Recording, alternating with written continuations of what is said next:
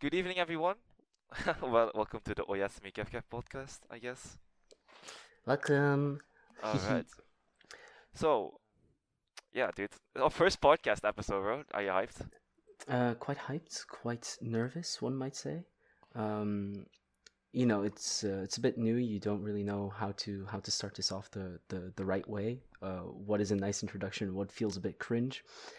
But hopefully, along the path of time, uh, we will find a better way to to communicate and and get to get to uh, discover new aspects of ourselves in these conversations. The chill vibes. Yeah, exactly. With chill vibes. Um, but yeah, no, it's called Oyasumi Kefkef, um, which neatly brings us to to I think the first point that we should get to, and that's um, explaining the name of Oyasumi Kefkef. Yeah. So um, go ahead. So basically, um, one of my favorite manga, or probably my favorite manga, it's always between Vagabond and Oyasumi Punpun. Uh, yeah, Oyasumi Punpun is basically my favorite manga, I think, or like, as high point, is probably the best thing I've ever read. I'm showing some screenshots of it right now, and um, yeah, it's just you know Oyasumi means good night, so we're trying to have like those good evening vibes. So Mhm. Oyasumi, Kev Kev. Uh, we didn't put Wail's name in it. Oh yeah, my uh, homie here right now is Whale. I'll put his YouTube channel in the description. And uh, Cool. yeah, Wail was like, we wanted to put Wail's name in there, but at the same time, we didn't want to like make it Force sound. it. Yeah, make it force it. Yeah, exactly. Like, not make it too hard or something. Just make it simple. And at the Mhm. end of the day, you didn't mind either, right? So No, I didn't mind at all. Like at one point, we also tried to like fit Monogatari in there with like Oyasu Oyasu Mono Oyasu Mono Kefkef. I think we we ended up thinking about uh, because Monogatari is my favorite show. But you know, Oyasumi just sounds better, and it also ha- like carries actual meaning instead of Oyasu Mono, which I'm not sure even has anything that correlates with it in in Japanese. So. But yeah, no, the, the with with Oyasumi Punpun is like it, it really has some like the, the the the the manga really has some amazing arts and I definitely understand it as being your favorite if or one of your favorite. Same with Vagabond by the way. Um the story itself is also like just looking back on the screenshots and putting them in the drive really gave me a um like like it really brought me back to to reading it for the first time even though i never finished it um and that like a small scent of of of depression just like came into my mind um nothing too major but you know All right. Yeah, no. I'm gonna work on the f- uh the thumbnail real quick. It's gonna be like a link on the ceiling on the boat. It's from Wind Waker. One of my favorites Wind uh, Zelda games. I just love the art style a lot, and uh, it's Link, like the box art from Link, sailing on the seas. But I'm gonna make it like false, like widescreen. It's just because. Your- um, what you your microphone your microphone Oh, yeah did you catch yeah. that decently or something? Or Uh, yeah, we, we could. I'm pretty sure we could hear what you were saying. I could hear what you were saying, but you know, you just sounded a bit farther away. no, that's cool. Uh, it's just you know Link setting on a new adventure, but I think it's such a good box art, so I'm gonna Photoshop that while uh, we're at it. Yeah, it, it is. It is indeed a, a nice box art, and also it does carry the meaning of you know we're we're setting out on quote unquote a new adventure, a new sort of. Would you call it a side project? I guess. Uh, I would call it a hobby, I guess, if that sounds better. Like, uh, Yeah, um, I agree with that. A- hobby also sounds nice. Sounds neat. Sounds like it um, explains what what it is pretty pretty accurately. But so, what are you working on right now? The thumbnail, then. yeah, yeah, yeah, the thumbnail. I see. And with the like like with the um, Blender animation thing, wh- when Oh, you want to talk about that now? Yeah, sure, let's do that. yeah, actually. I thought since you're working on something else with doing with visual art and and that type Yeah, of yeah, thing. I forgot. So basically, uh, the reasons the photoshops on my channel have been a bit more quiet now is because with school I've been working on uh, Blender. Like now it's more animation focused and Blender and stuff. And uh, so something I had to make. Wait a second, let me actually. I uh, let me let me first play it in general, but oh, I have to open it real quick though. Motion design. Oh wait. Yeah, I'm playing animation right now, and so let me phase and fill first. And so basically, it boils down that like uh, my idea for this animation basically was like I'm gonna take the we had to animate our names for school, right? and um, so my because my name is Kevin, right, and my sister's name is Avi. I was like, oh, it it would be fun if my sister jumped into my life in animation, right? Wow. I actually didn't know that. Wow. Don't worry about it. And so if you look at the start of the animation, it has like the shadow of Avi, as in Mhm. it's like it's like looming into it's like coming into existence. You know, like uh, I was wait a second, I was five years old when my sister was born, right? Mhm. And um, so my parents were telling me like, "Oh, you're gonna have a sister. You're gonna have a little sister." But as a five-year-old, again, it's not. You have like a, a vague idea. That's why the the shadow is also not that clear in the Right. in the Blender thing, right? Mhm. And so it like slowly boils down and it falls into it into place into my my existence, right? And Mhm. of course, because I'm a little kid, uh, like you know, you see the K in the end, they do like a a spin and, a, and a- like a shocking thing, twirl. Yeah. and, Twirl. uh, yeah. Yeah, and then it lands, but the end animation when things stabilize a bit, I do realize mm-hmm. that I love my sister though, and that's why the heart is in the background. Like that's that's the thing you realize at the end of the ca- camera animation, you know? So adorable, man. Oh, didn't know. No. yeah, no, I didn't tell. This is genuine reaction. I didn't tell Wail what the animation was about, by the way. But Yeah, no, I, I genuinely just felt like, oh, this is a quirky way of showing his name. Kind of weird that the K and the N don't fall from the sky, but you know, it's, it's probably like and the way I rationalized it was that you had to show some different techniques, so you kept the K and the N there so that you could do the spin and the twirl. That was that was what my internal rationalization oh, of no, that some, was. something small as well, right? If you uh, well, you won't you you will see it in Blender a little bit, right? But um, the how do you say the K and the N are like on different distances. Like the the EV is closer to the camera than the K and the N are. To still really differentiate that stuff, you know, like Yeah. it's two things. And then of course green was my f- it's I I have, I had like this year switch that orange was my favorite color if you remember. But Mhm. I think I'm going back to green, man. Green is still like uh, uh, this is like this thing I don't know how to explain, but you know when people say something like you've been taught to like this thing, you know? Yeah. Yeah. Yeah. I was to it. yeah yeah, and I was thinking about it again, and people and I I, I- naturally just gravitate to green again. So I think I don't think orange is genuinely my favorite color anymore. You know, I see. that's kind of whack. It's right? interesting. No, it's it's interesting because you know favorite colors and and just like likes and dislikes in general, the way that they change and and fluctuate is, is always been something that kind of interests me. Because why is it that someone finds a preference to the color green, for example, at one moment and then the other moment is like, nah, actually I like orange more. It's it's it's a weird it's a weird thing in my opinion, Fun and side- I love it for it. Yeah, it's, it's weird. It's also pretty funny because like there's a whole philosophy behind like what color do you see about you know like I don't know Mhm. how the philosophy Yeah. exactly goes, but it's it's pretty funny actually. You, you mean like how how um, we couldn't actually prove that the way we perceive colors is the same as the way another person sees them? So if Exactly. the way the yeah okay so the way I see red might be diff might be more close to the way you see green, which be imagine how hilarious it would be if if everyone's favorite color is just kind of like the same color technically Yeah, but, the- but no, that would be pretty. You know, that would be pretty. I don't. I, I don't know how the science and the biology of, of it all is, is going right now, but I would assume that with the fact that we know which part of our eyes perceives color and stuff, and we can prove that people are colorblind and see colors in ways that aren't quote unquote normal, um, because of all those things, and because we can also like determine the spectrum of colors that other animals can see, like dogs and stuff. I would assume that science can somehow prove that that the colors I see look the same as the colors you see. the isn't I would- color just also based on the Wavelength. yeah, wavelength and intensity Yeah. of vibrations. Yeah, like Mm-hmm. Yeah, so I mean, I would assume it's all the same at the end of the day, but you know, still, uh, it's an interesting thought experiment. Also, uh, fun fact: the, the, you, you notice how my name, my sister's name is in gold, right? Evie, right? Uh, I know she just likes gold. That's why I put it in gold, right? Mhm. But uh, I had to like in Blender. Oh my god! Uh, I had to like in Blender. I had to like make a gold uh sphere. I made a sphere and put some lights above and beneath it, right? And then I just messed around with the properties of it, so I could get the gold feel. And then oh, later on. I copied that material and put it in the, my sister's name. Hmm, interesting. Uh, and something else in anime. Well, you won't see this, right? But ironically, well, you see it maybe later on in the recording.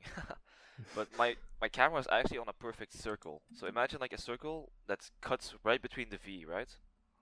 But it's way bigger, and it just slowly falls over downwards, over the animation side. uh, I think I understand what you mean. Um, not one hundred percent sure, but I'll see it in in, in Yeah. post, I guess. And then of course that's the infinite background. Uh, nothing too special about that, Right. especially if you're experienced in Blender. But yeah, that's what I did for uh, my project. It took, dude, guess how many hours that took me, bro? I would say like five, No, four, m- more, more, a lot more. ten, fifteen. I think around 20. 20. Wow. But then you also have to render it, which is like three hours. Yeah, yeah. Okay, I do know that rendering just takes like forever. Ironically, I rendered it a bit wrong, so I had to ren- re-render like the, the last half. So it was another like a few hours. Wow. Uh, Actually, yeah, that that hearts uh shape, right? Is that like a a um because there are so certain shapes in Blender that you can just like plop down and they are ah, the shape no, that they are. it's uh, self-made, but it's not too unique. I see. uh, The thing, uh, uh, also something with the heart.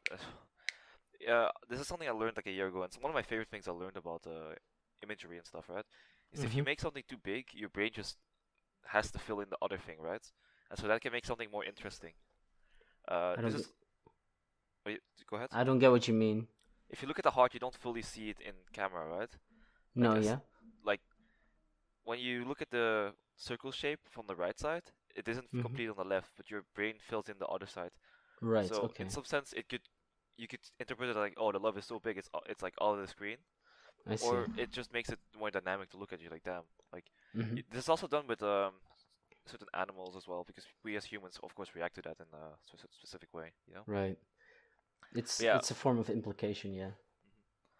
Uh, yeah, I scored eighty percent on that. Was I? I was actually hoping for a ninety. God damn it, dude! But I can't Wow. complain too hard, I guess. Yeah, I got that too. Like there was this um this paper thing I had to write. It wasn't really a paper. It was like 1000 words, so but uh it was surrounding the question what is a philosophical paper, right? Um and I I wrote down my stuff and it was only 5 points, but I assumed I was thinking like oh 4 out of 5. That's what I want. Uh but I got a 3 and that made me kind of sad. um Yeah. That, because yeah. the thing is, they can. It's hard to score those things because I think uh, same with animation, right? It's like they have to give points on criteria and not necessarily the work, if that makes sense. You know? Yeah, indeed, it's like- indeed. It's yeah. I'm I'm I'm hoping my my Aristotle paper does a lot better because I I spent a lot of work on that and I I was actually pretty proud of it at the end of the day. Um, and if that doesn't score well, I'm just gonna cry. I think. Dude, I haven't cried in years, but yeah. Jeez, Whoa! What? no, well, Sigma emotionally cry, right? Like, uh, well, I don't know. I know the last time I physically, like, painfully cried, but whatever. But, but but I just- but go ahead. but it's not like you haven't cried reading something or something or watching something, right? Like there have I- been a few. I have cried, the last time I cried about it was like about a book when I was uh, 12 for five year olds. It was very funny. Wow. Okay. yeah, that's completely the opposite for me, I guess. I mean, I've wanted to cry to things, right? But I just can't or haven't. So. Right. Yeah, no, I think the last time I cried about a, a book or a series was like not too long ago. I mean, I was uploading fucking Oyasumi Pun Pun screenshots and I felt I felt kind of melancholic, I guess you could say. Uh, more on the side of man, I, I want to cry to this, not actually crying. But the last time I cried, mm, it shouldn't have been that long ago. I, I know that for sure. I would say like Yeah. less than a month ago. I just don't know to what, but less than a month ago, give or take. Oh yes, I could give you something. There are these AMVs, uh, which animation music videos, you know, um, and there's a song. It's called Pluto Projector, um, but it's also like known as uh, "Old Enough to Understand," which is usually the part of the song that people use. I don't know if you've heard of it. Yeah, uh, well, yeah, the memes kind of, yeah. Yeah, yeah. Uh, and there was this MV of One Piece where in the background they played the old enough to understand stuff and they showed some of the like really sad moments in One Piece. Um, and I started bawling my eyes out. I thought, oh, this is a cool video. I'll watch it. It's like a minute or two. Um, and then I watched it and I was crying for the next 10 minutes. So that happened like um, about a month ago or something. Yeah, I mean, I can I can understand that. Uh, yeah, no, it's also pretty. What I I remember one thing that I really liked a lot was when uh, there was a, when certain certain fan channels like make animations of like uh video games or something, right? But the video Mhm. game is like a PlayStation One or PlayStation Two game, Right. and uh, you know the gorgeous thing is it's actually just it's what you imagine basically when you play the game. You know, it's it's it's, Mhm. it's hilarious. And Those things are nice, yeah. yeah, it's it's like it's I excuse me. Um, I, I always like laugh my ass off when I see um, or like I always start grinning when I play an older game and like the how do you say the cut the cutscene is better than the game itself. You know, the visuals. Right, yeah, yeah, yeah, yeah. I find that funny as well whenever that happens. But It kind of does pull me out of immersion sometimes, but um, as a kid, I didn't really notice. Like Sonic and the Lost Rings, I think it was called. Um, I'm not sure what the discrepancy was between gl- gameplay and cutscenes, but I do remember the cutscenes looking pretty good. Um, my memory might be hazy on that, but uh, I know for a fact that as a kid, I didn't notice the discrepancy be- between the cutscenes and the actual gameplay. Whereas, as an adult thinking back on it, um, adult quote unquote, I'm fucking 19. Um, I don't think the gameplay was. I mean, it was played on a Wii. How good can it? How good can it be? You know, visually speaking. yeah, no, Uh, that's uh yeah. At the same time, I, I don't necessarily agree with or like uh, it's a whole thing in itself to talk about uh graphics in video games, man. I don't. I I, I have conflicted feelings, but yeah. By the way, it was called uh, Sonic and the Secret Rings. My bad. I just looked it up, not Lost Rings. But yeah, no, it is indeed an entire topic uh, on its own. So I I think it's best if we um, round off the the Blender escapades um, and move on to the next point that we had written down in our preparation, which is why did we start this entire podcast thing? Oh yeah. um, which was a question that uh, Kevin asked me. Were, were- did you ask me or did I ask you?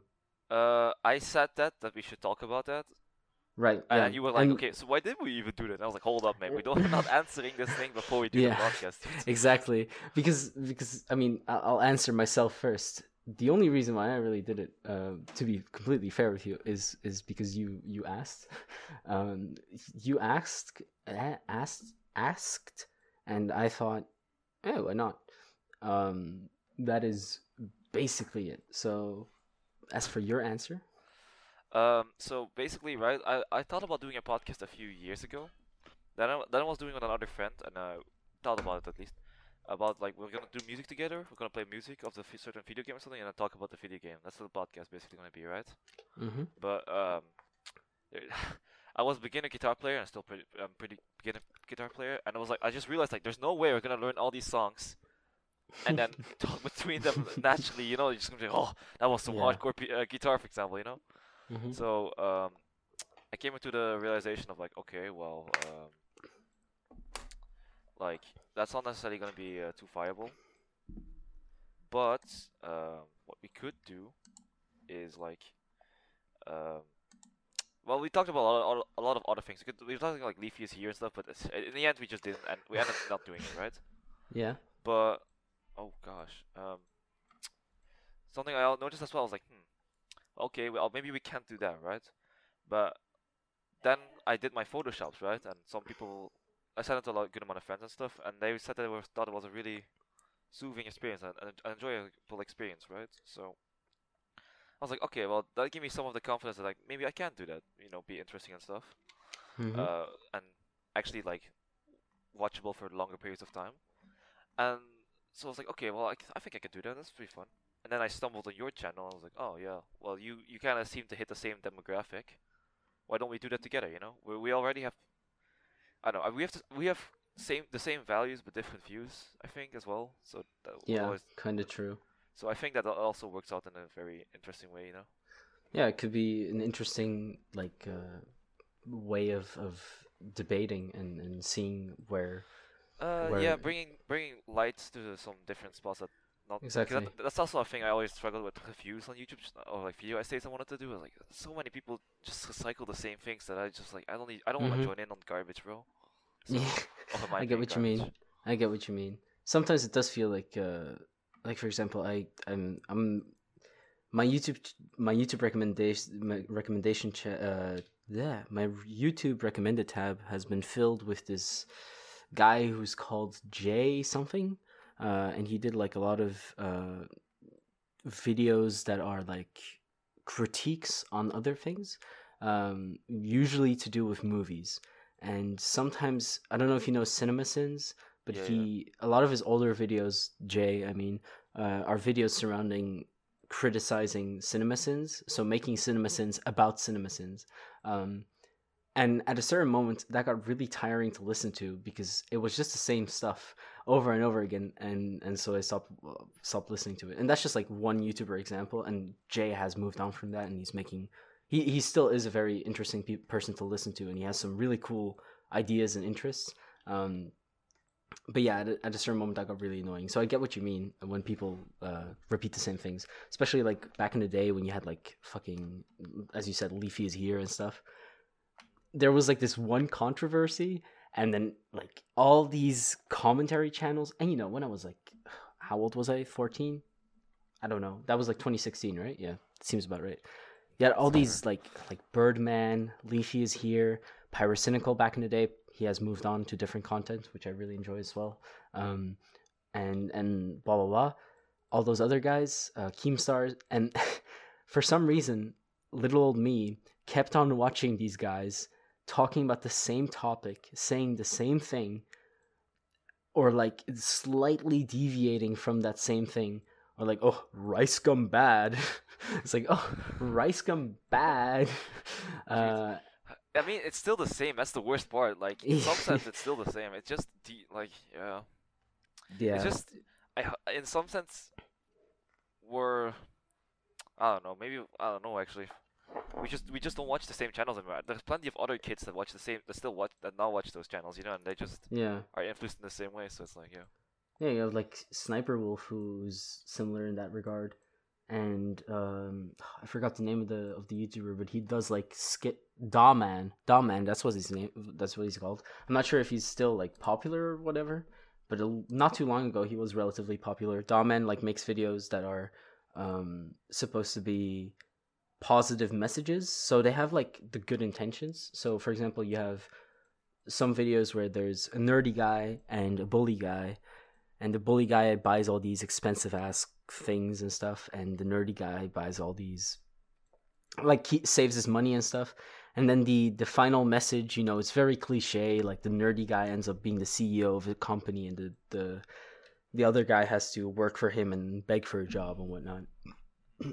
And you know that that's fine. It's a positive message and all that uh, but at the same time the way he presents it is very very not nuanced um, and of course little kids who are like 11 12 13 maybe 14 that's like the edge i would say of when people start becoming mature enough to realize hey wait a minute this is how the world this isn't how the world works. Um like th- they will just kind of gobble that up and see and that can have some major i would say ramifications for for their worldview and how they think the world works because if you have this overly positive sorry if i'm talking too much but No, if you have no. this overly positive viewpoint of like oh yeah this is a meritocracy and if i just put in the work put in the hours take what's ours uh, i can i can make it big like all these big youtubers but unfortunately uh, the world is full of marginalization and and discrimination and all these other hurdles that keep you from really doing it in such a simple fashion because if it was so simple nearly there wouldn't be a concept of the 1% nearly everyone would be at really high footing or like a big majority majority of people at least not not necessarily nearly everyone but like around 50% at least i would say Okay. anyway Yeah. Uh, yeah. Uh, That was the- it's always hard to say, you know, like uh, yeah, I mean, I get what you mean. It is a little hard to to. Because uh, at the same time, for example, I study partially what I stu- study is, or like learn about is like, oh well, this is like good marketing and this is bad marketing, but and then in some sense you can mm, maybe that's uh, it's hard to say, but um, yeah, some some things are like, oh yeah, you can see what it's no surprise that they became successful, and as maybe better said, you know. Right, yeah, I get what you mean. There are some things indeed where where sometimes you indeed do stuff that is just like yeah, of course that's going to get successful. In this modern climate with the way you're uh, catering to the like for example the the covid pandemic that's going on right now um, and the increase of stocks that Amazon and uh, other deliveries company delivery companies are getting. Yeah of course that makes complete sense you know? Of course they're doing well right now. Um, and if you were to be able to get into those positions or do those types of things at the right moment seize the opportunity then it just makes sense that you're probably or have much higher chances of getting a, a decent profit uh, similar to how leafy kind of he, he he also had like this kind of perfect mix for the audience of 2016 in youtube that just kind of mwah, hit the spot. But if if if leafy were to start out today i mean obviously if his Yeah. name is now so big that if if he comes back again there's going to be like a little bit of a a shoot up in in his views i'm not sure did he didn't he stop a second time i'm not sure if he kept Yeah, going. yeah. Well, he he got banned as well from because uh, he insulted Pokemon or criticized Pokemon. Better said. okay that's pretty funny but okay Dude, uh, it was actually so dumb. No, it's I- uh, it's a problem as well because like um, YouTube just said like, oh yeah, it's against free, uh, it's against uh, our policy that you bully women or something, and then but it's like it's like okay, I, I don't condone his behavior, but at, the same time, it's kind of censoring of free speech. I'm not sure what the video itself was, uh, but you know, there's a Uh, different. Like, I'm not sure how how he he quote Uh, unquote I, I watched it her. and it was it was mainly like, oh bro, you're a simp. She has a boyfriend. Stop simping. You fucking loser. That that type of stuff, you know. I see. Yeah, I don't know. It, it knowing Leafy's style, it probably like treaded the line between irony and hate speech a little, um, where it might become hard to tell. And yeah, that's that's the thing I was trying. That's my that's the point I was trying to get to. In 2016, that shit flew past everyone's radar. That was like the norm to be edgy in that sense, right? Uh, to just kind of insult everyone in that type of manner. Um, and do it on the line of irony and actually felt hatred. Um, but you know that that doesn't slide anymore in in 2020 and 2021. Ever since 2018, I would even argue. I'm not sure why exactly I would say 2018, but around that time period, people started becoming a lot more socially socially left uh, in terms of like censoring hate, Uh, hate speech and not I, I feel like that's kind of insulting towards the left. Like in some in some sense, I'm, I just think like people are like, I don't know. I would I would call that more like woke people or, or people like virtue signaling that type of people. Like I don't feel like it's fair to say to the left, but whatever, you know, I don't care that much. Yeah, no, what I meant was was like uh, culturally left, as in or or socially left. Sorry, as in usually the like if you have social social rights and social left, um, you have social justice warriors, which are clearly on the left, woke, which is clearly on the left, and their social policies, like being against free speech and stuff, are cons- uh, being against free speech. That's please don't take that out of context ever. Oh fuck no. Uh, being against hate speech. That's what I wanted to say. Hate speech. Um, is is um is usually considered more of a leftist type of thing, extremist leftist type of thing. Not necessarily extreme, because you know, I personally am also against hate speech. Um, but I am for free speech, obviously. But there's a are your favorite- difference in wait, my eyes. Quick, quick question: What's your favorite color actually? Red. My favorite color is Oh, red. yeah, you already told me that, yeah. Yeah, exactly. Um, Yeah, I'm has such- make, uh, okay, so I'm gonna make the Oyasumi green. No, I should make the Kevin red, Kev Kev red, red, and then Oyasumi green. Uh, red. Jesus. Okay. yeah. Okay, um, we can be melon colors. Melon colors. Oh, that's true actually. Yeah. but uh, maybe maybe we're getting too political here with the entire left and stuff. Yeah. So, uh, it's not uh, it's, maybe it's not meant to be that uh, political, especially not the first episode. yeah, exactly. So um, next topic before we Yeah. get too deeply into this. uh, the chess championship, and I see that you also added Valorant championship. Oh Um, yeah, just a quick mention of it. I I was watching it right now, and um, next week is gonna be the final, so we're we're gonna see, right? But I'm I'm low key cheering for Team Liquids because it has Liquid Scream on it, right? I don't know if you know much about Liquid Scream. I, I don't. I'm not keeping up with Valorant's Uh, championship. he was just uh, in CS:GO. He, he was infamous for just hitting what headshots and not spraying, which is actually like tapping mouse Right. buttons. Wait, is Chamber out for the professional scene? Uh, no, no, I don't think so. Nobody's No, playing it, sad. so I don't think so. Sad. But the thing is, what's the funny thing about Scream is that he just, you know, his headshot percentage was the highest ever, and it was like sixty-seven percent. So two out of the three bullets he shot was always a headshot. Damn. think, uh, Okay, that's pretty fucking high. Yeah. So uh, yeah, he's always, he's always been a very popular guy, but uh, yeah, no, I'm I'm kind of cheering for him because I like his team play a lot right now. Like I used I used to complain about him just like, oh yeah, I'm, I'm gonna run in and headshot everyone, but now it's actually like becoming something I respect. Like no, he, he, Right. him and his team are actually doing something that I really respect. So. I see. What yeah. what what does he mean? Um, he plays a lot, but usually he's playing like Reyna or Jetts. so he's playing see. passive roles. Yeah, makes sense. That's why I asked if Chamber was out because you know if he's if he's a headshotter, eh, Chamber would probably suit him. But you know, uh, about chess, uh, for the uninitiated, uh, right now there's a a championship, world championship going on between Magnus Carlsen and Ian with a last name I will not try to pronounce on camera just yet. Um, and they uh, during their sixth game, that was like the first. So all the games until the sixth have been draws. Uh, the sixth game was won by uh, Magnus Carlsen, I believe. If Wait, let me interrupt you real quick. Magnus Carlsen is almost inarguably at this point the greatest player of all time in chess. Yeah, His true. yeah, his way of revolutionizing the game and just being painfully dominant over everyone. Actually, I don't know. I like his dominance. Honestly, yeah, it, it makes it more interesting in my opinion. But um, yeah, this dude is unbelievably uh, at some point like above the rest on a humongous level. But yeah, go on. Yeah, I mean, I'm I'm relatively new to the entire professional chess ch- scene and stuff. Uh, as in getting into it and watching it and stuff. Uh, I'm watching a lot of Gotham chess, aka Le- Levy. Um, I wanted to say Levi, and Levy, uh, who um, who who makes uh, a lot of chess videos, uh, pretty much daily. As far like ever since I've been subscribed to him, he's been doing it daily.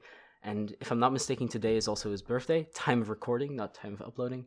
Um, but you know, t- today was also the game that they today they the, today Magnus Carlsen and Ian played the eighth game as well. Um, and yeah, he's been doing like daily chess videos and stuff, and he's been giving recaps of or of the chess world championship, in which he goes to uh, Fabiano and all the other like chess commentators, and he watches those throughout the day, takes notes, and then he combines kind of like what everyone was thinking, or not everyone, but the guys that he watched was thinking, along with his own thoughts, and it's very infor- uh, informative as well because he kind of um, he he shows you what the ideas was what the ideas were or the potential ideas that the chess players were having while they were playing the moves that they were playing or what were alternative moves and stuff. So um, during the sixth game which magnus won uh, there was like this entire like it was a very long video. I'm, I'm not sure how long it was. I want to say 40 30 minutes something like that. Um, and a- lot of it was just him uh, spending time going into different lines and showing you how it, the game could have progressed and how it could have gone on and stuff um, which I, I really appreciate you know uh, especially for someone as as as newbie at it as me. Like there there are some points where i'm just like whoa i didn't i didn't know that that that, that was that was a good idea uh like because it's just it's still quite a lot for me to take in the entire chessboard as once.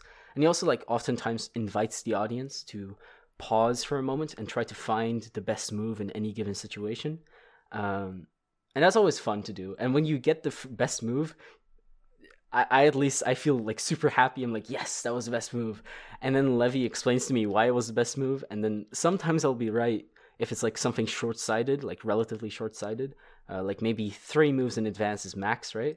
Um, but then other times i'm just like I, I just think yes this is the best move but like for completely different reasons. Um, and you know that, that's a nice experience to have. The thing about chess is I think about like I'm just like I, I, I'm I'm really uh conflicted. Uh, but I I have a little chess history by myself, by the way. But um, I used to go to tournaments, but like uh, I remember all, people hearing people always say like um, how do you say it? Like there is no discussion that white has that advantage in chess, right? Yeah.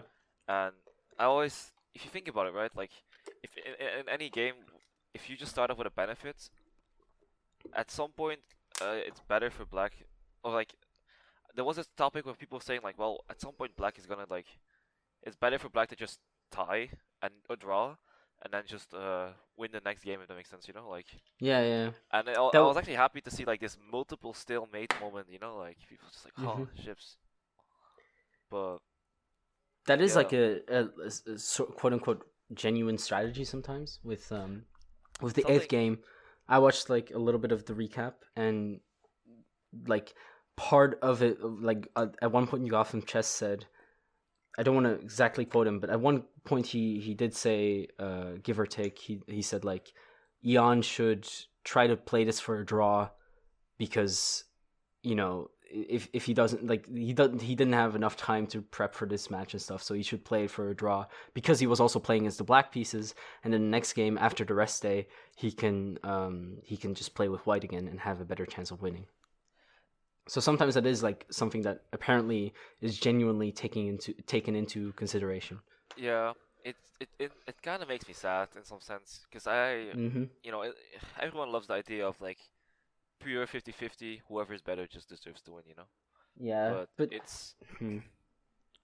In a lot of games, you don't have that. Like, if we tie it back to like Valorant or Rainbow Six Siege or whatever, like there, there's usually an imbalance between which side that you have. So, um, I remember that for a little while, uh, in Rainbow Six Siege, I'm not sure what the meta is right now, but for a little while, the defenders had quite a bit of an advantage. Um, in in inside of the the Rainbow Six Siege commu- uh, like game, if you were playing as a defender, you had a better chance of winning the round than as as an attacker. Um, so it's chess same- isn't. yeah, it's the same in sports as well, you know, like uh I like well, even in sports is arguably worse in some sense. If if you look at ba- at basketball, like whoever gets the ball first, of course, right? But outside Mhm. of that, it's like well, basketball. I think the average basketball player's height is like one meter ninety, Yeah. and the average man is like one meter seventy five ish. I think I'm not so sure. I'm not sure either, but yeah, I get what you mean. There are It's like- indeed like Yeah. some things like that that just like become an inherent imbalance. But you know, it's hard to get those get rid of those. You know.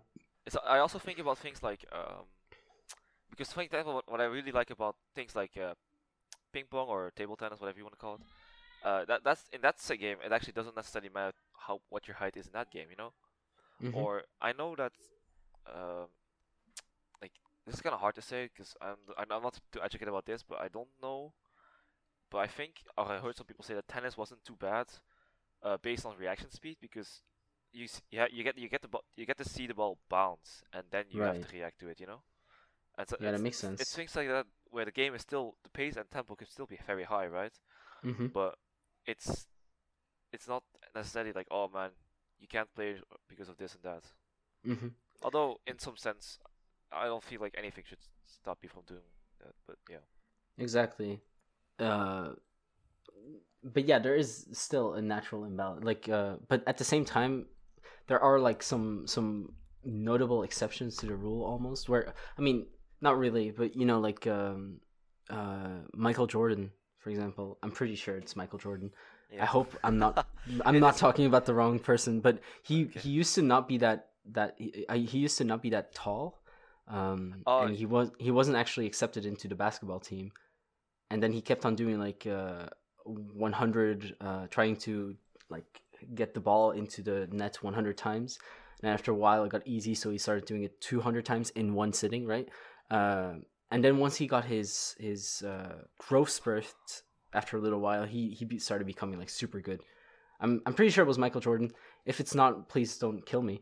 But uh, the you know that that's it, it wasn't necessarily an exception to the rule because he did get a growth spurt spurt and he did become tall. but it does show. It is a nice story of like, hey, he didn't give up even though people told him he would never be tall enough. I think Um, you're right. I watched a documentary, The Last Dance. It was a really good. Doc- it's, it's one of my favorite documentaries. Hmm. And uh, in that, Michael Jordan did get a growth spurt, and he was not accepted. But I'm not so sure about if it was what did you said about the practicing. He was just a, always a really good player, as far as I know. oh, ok- okay, But- that might be wrong. Yeah, I mean, he did get the what you said about the growth spurt and him practicing a shite. Oh wait, yeah, a shite lot is true. I, I, he, yeah, he, he initially did not get accepted. I remember that because he was crying over that to his mom, and then he Mm. said something along the lines of, and then his mom said, "Well, if you want to get there, get good," and then uh, uh, so- yeah, and then yeah, he picked up the ball again and kept playing. So Right. Yeah.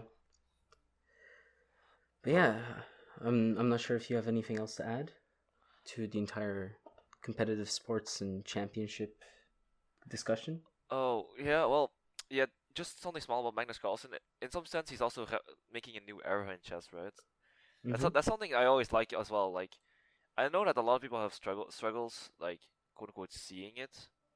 But Mhm. even though a sport isn't getting balance updates or new patches or new releases, uh, of course the meta game or like uh, the level of play is always growing. Yeah, right. Mhm. It's it's really hard to explain, and you know, like this this I feel like it's the easiest to explain in chess. Ironically, although pe- people are always like, "What isn't chess already solved by computers and stuff?"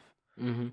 because in some sense you're right uh, computers will infinitely beat humans no problem no problem but in some sense it's also just like um, because the computers we can see certain types of openings that we've never looked about right like Yeah. um, oh, it, it's hard to like I know that well the, the I don't know all the chess eras that well right but I remember in like the early or like early like I'm talking like 1920 to 40 something ish right. Okay. chess chess was actually really boring in some sense. People were very uh, There was- and stale playing that. There was this one. There was this one competitive game. I'm not sure if it was in that era. I'm relatively certain it was because there was a Nazi that played it. I think. I'm. I'm. Please don't get mad at me if, if I'm wrong, but there was a chess game. If you just look up uh, Gotham Chess 17 pawn moves or 18 pawn moves, one of the two, um, then you'll get to that game. And that was like an insane game where the, the one guy played 17 or 18 pawn moves in a row. And I'm pretty sure that was during that era. But yeah, still. Uh, Your yeah, point so still th- stands. that era was being deconstructed actually by uh, certain players that were just that good, right? hmm And um, like what the the problem with that was like people were oh my god, uh, people were very critical of like well, this is just very uh stale. You know, people were like oh well, we Mhm. want to do something different, but we don't necessarily know how. And then there were like a few men, I think f- four of them or something, who played completely different, wildly different, to the point where people um just basically in that in that time period, we people realized okay, the the center of the map is the important part of the map or the board, right? Right. hmm And then these other four men came and they were like, wait a second, why don't we just move the the pawn in front of the horse and put the bishop there, and then we fight for the middle. We don't ca- take the middle via pawns, we fight for the middle, Right. and that basically that basically changed the way people were approaching the game. People were like, oh wait, I don't have to put on my pawn. I can also just attack it and so in some sense hold it, so so I can play it in a different way, right? hmm And this was yeah, this was revolutionary. People now instead of taking the space, threatened the space, and that was also a humongous Mhm. change in the mind games, right? Uh, also, um, this was also you know Russia was dominating chess. If you didn't know, Yeah. And, I uh, mean, not anymore to that extent, but but they still kind of are. yeah, yeah. Russia is one of the, f- the few places where they still seriously play chess in some sense, you know. hmm Like chess is like sp- played like it, it's one of the sports that's just like given to you as a child and stuff. Yeah, it, it it has a lot of dignity to it because uh, of Mhm. course with the Cold War and stuff, people uh, Yeah. wanted to have that power, I guess, over them. Honestly, I'm kind of sad that it's not like a a sort of game that is commonly played in in, in Belgium or like you know the place that I grew up. I in. don't know anything that's popular in Belgium outside of soccer, to be honest. True. True. Yeah. But okay, to come back to it, basically, so chess was dominated by Russians, right? And the Russians had this very how do you say? They wanted to always maintain their dominance, so they were always preaching these certain types of fundamentals. So Mhm. here comes Bobby Fischer, which was like the American player, which is also probably my favorite chess player. And yeah, he just his his way of approaching the game was just different. Very like he- also complained about it a lot, by the way. But he studied a lot of uh, chess boards. A lot of studying, so you learn the best move, right? Mhm. And what you can often do is like you can be like, oh, um, like the way I will beat this opponent or something is just because I know this board, and then when the opponent has to go off script, then it gets scary in some sense, you know. Right. Yeah. And That, uh, go ahead. isn't that like kind of still sort of a thing? Yeah, yeah, yeah. like f- very yeah, much. the moment the moment someone reaches a novelty, that's when people are like, "Oh shit." and that's why uh, that's why Bobby Fischer was so infamously uh, weird about it, because he learned what he how he changed the meta. So that's how he beat the Russians first, right? Being very different, forcing them off script, Mm-hmm. and then he started being like, uh, when the Russians tried to adapt, right? Like, ah, okay, you we'll just know the script better than you, right? That's when Bobby Fischer was like, okay, I'll just break the script, the board, right? And then I shape the board into another board that I have studied. And that again what? changed the whole that changed the whole meta again, you know? Wow, that's pretty cool. And then uh how Magnus Carlsen and a lot of other chess players are approaching it now is with via computers you can Mm-hmm. simulate certain scenarios and make your own scena- and make build it towards that scenario. This is why Magnus Carlsen is also in, so incredibly well. There's a lot of reasons he's incredibly good, right? But something really interesting about that as well is like I don't know if you know that, but there's like this infamous thing where he sometimes just starts with like moving the pawn of the rook at the start of the game. Yeah, yeah, yeah. Mm-hmm. I I because- have seen that. He's that confident that he can just change it that way. Mm-hmm. So when people are Yeah. talking about like, well, is chess really gonna like, what is the value of chess in this era when we have so many different things? It's that we have the well, the art, the greatest player of all time, and with these computers, everyone can learn to be that good, right? It's like it's not Mhm. lim- the resources are not limited anymore, and Exactly. a lot of people can get good. And, Yeah. Um, that's- what a, about the, the the pawn moving game? By the way, it was 17 pawn moves. I looked it up, and it was Emil jo- Joseph Diemer versus Thomas Haling, and it happened in 1984. So yeah, not at all during the 1940s. But Diemer was a Nazi still. I'm pretty sure. Um, I did not look that up, but I'm I'm like I'm like 90 percent sure he was. So yeah. Like, But- do you have anything to add about that game, or No, I just uh, it was a pretty insane game to just see like because it, this was at the beginning, right? At the very beginning, he just started out with playing 17 pawn moves at a time, and it was so weird to see like none of all of the other pieces were still in the back rank, and it was just like this this onslaught of pawns. He I'm pretty sure he ended up winning that game uh by resignation so the other the opponent resi- resigned. But that's just fucking that's just nuts to me in my opinion uh that you- that that, that someone starts off with with 17 pawn moves. Like i saw that thumbnail of gotham chess and i was like oh okay. Um so yeah. But it, it, if you want to watch it just look up 17 pawn moves gotham chess it's or or just look up um diemer uh, pawn mover chess game and you'll probably find the moves online somewhere um it's yeah, I, I found it myself, no problem. Yeah. so. it, it's it's mwah, lovely but yeah no that that's all i wanted to say about it Uh, yeah, I just I just watched it and it's uh, yeah, it's uh interesting. Yeah it's indeed interesting but you should you should like uh, take your time with it maybe and, and like tr- try to see the, the the logic behind the the pawn moves. But yeah no. Um i think that's all right? Is that is that all for tonight? i mean seems like we're pretty much done with everything. We we've discussed all the topics we we had in mind. All right, So- cool. Yeah, no, well, basically, yeah. If uh, well, that's our first ep- podcast episode then. So, if you guys have any like feedback or something, or things you would like to see changed, or just general Yeah. feedback, we'll always love to hear it, right? Right, Wail. yeah exactly um you know where to talk in the comment section where you belong scum Anyways, yeah. I hope the experience has been somewhat soothing. And uh, me and Wail only have one thing left to say, right? exactly Oh oyasumi Oyasumi. nasai yeah Have a good have a good night, guys. have a good night Dude, that's the first episode done there, dude. What do you think? Yeah, it was. I mean, I thought I've talked a little, a little too much, but you know, it's it's fine. I'm I'm just someone who rambles on a lot. I don't know, man. It's uh, what do you think about the first episode experience, bro? Uh, I thought it was I thought it was nice. You know, it was it was some nice conversation topics, and uh, the entire thing with the